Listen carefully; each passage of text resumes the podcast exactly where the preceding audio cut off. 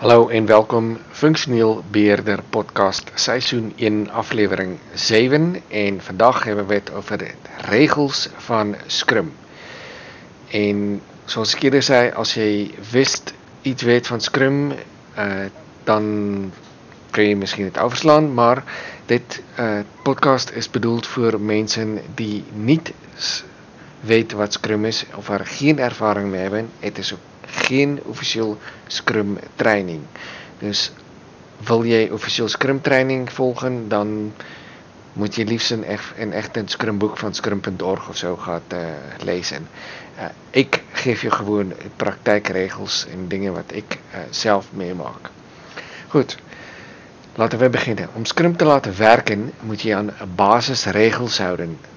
En die regels zijn bijvoorbeeld dat je backlog moet bouwen en van taken En altyd, maar altyd moet jy stip beginne met jou uh, scrum meetings, uh, die so stand-up. En zeg maar bijvoorbeeld rond 9.30 en scrum mag nooit meer dan 5 minuten duren. En elke team vertel basis van wat hy vandag heb gedaan in die backlog en of jy hulpvragen heeft. En wil jy meer praten, dan meld dit in jou spreekbeurt en beleg daarna overleg vir die dagelikse scrum.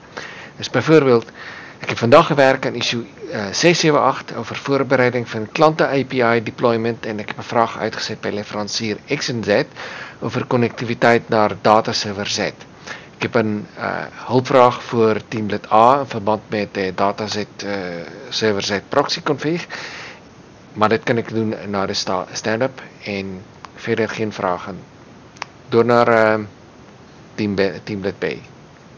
En so gaan jy deur, wees kort en bondig, gaan nie geen lange verhale vertel en want dit is nie die bedoeling van 'n stand-up.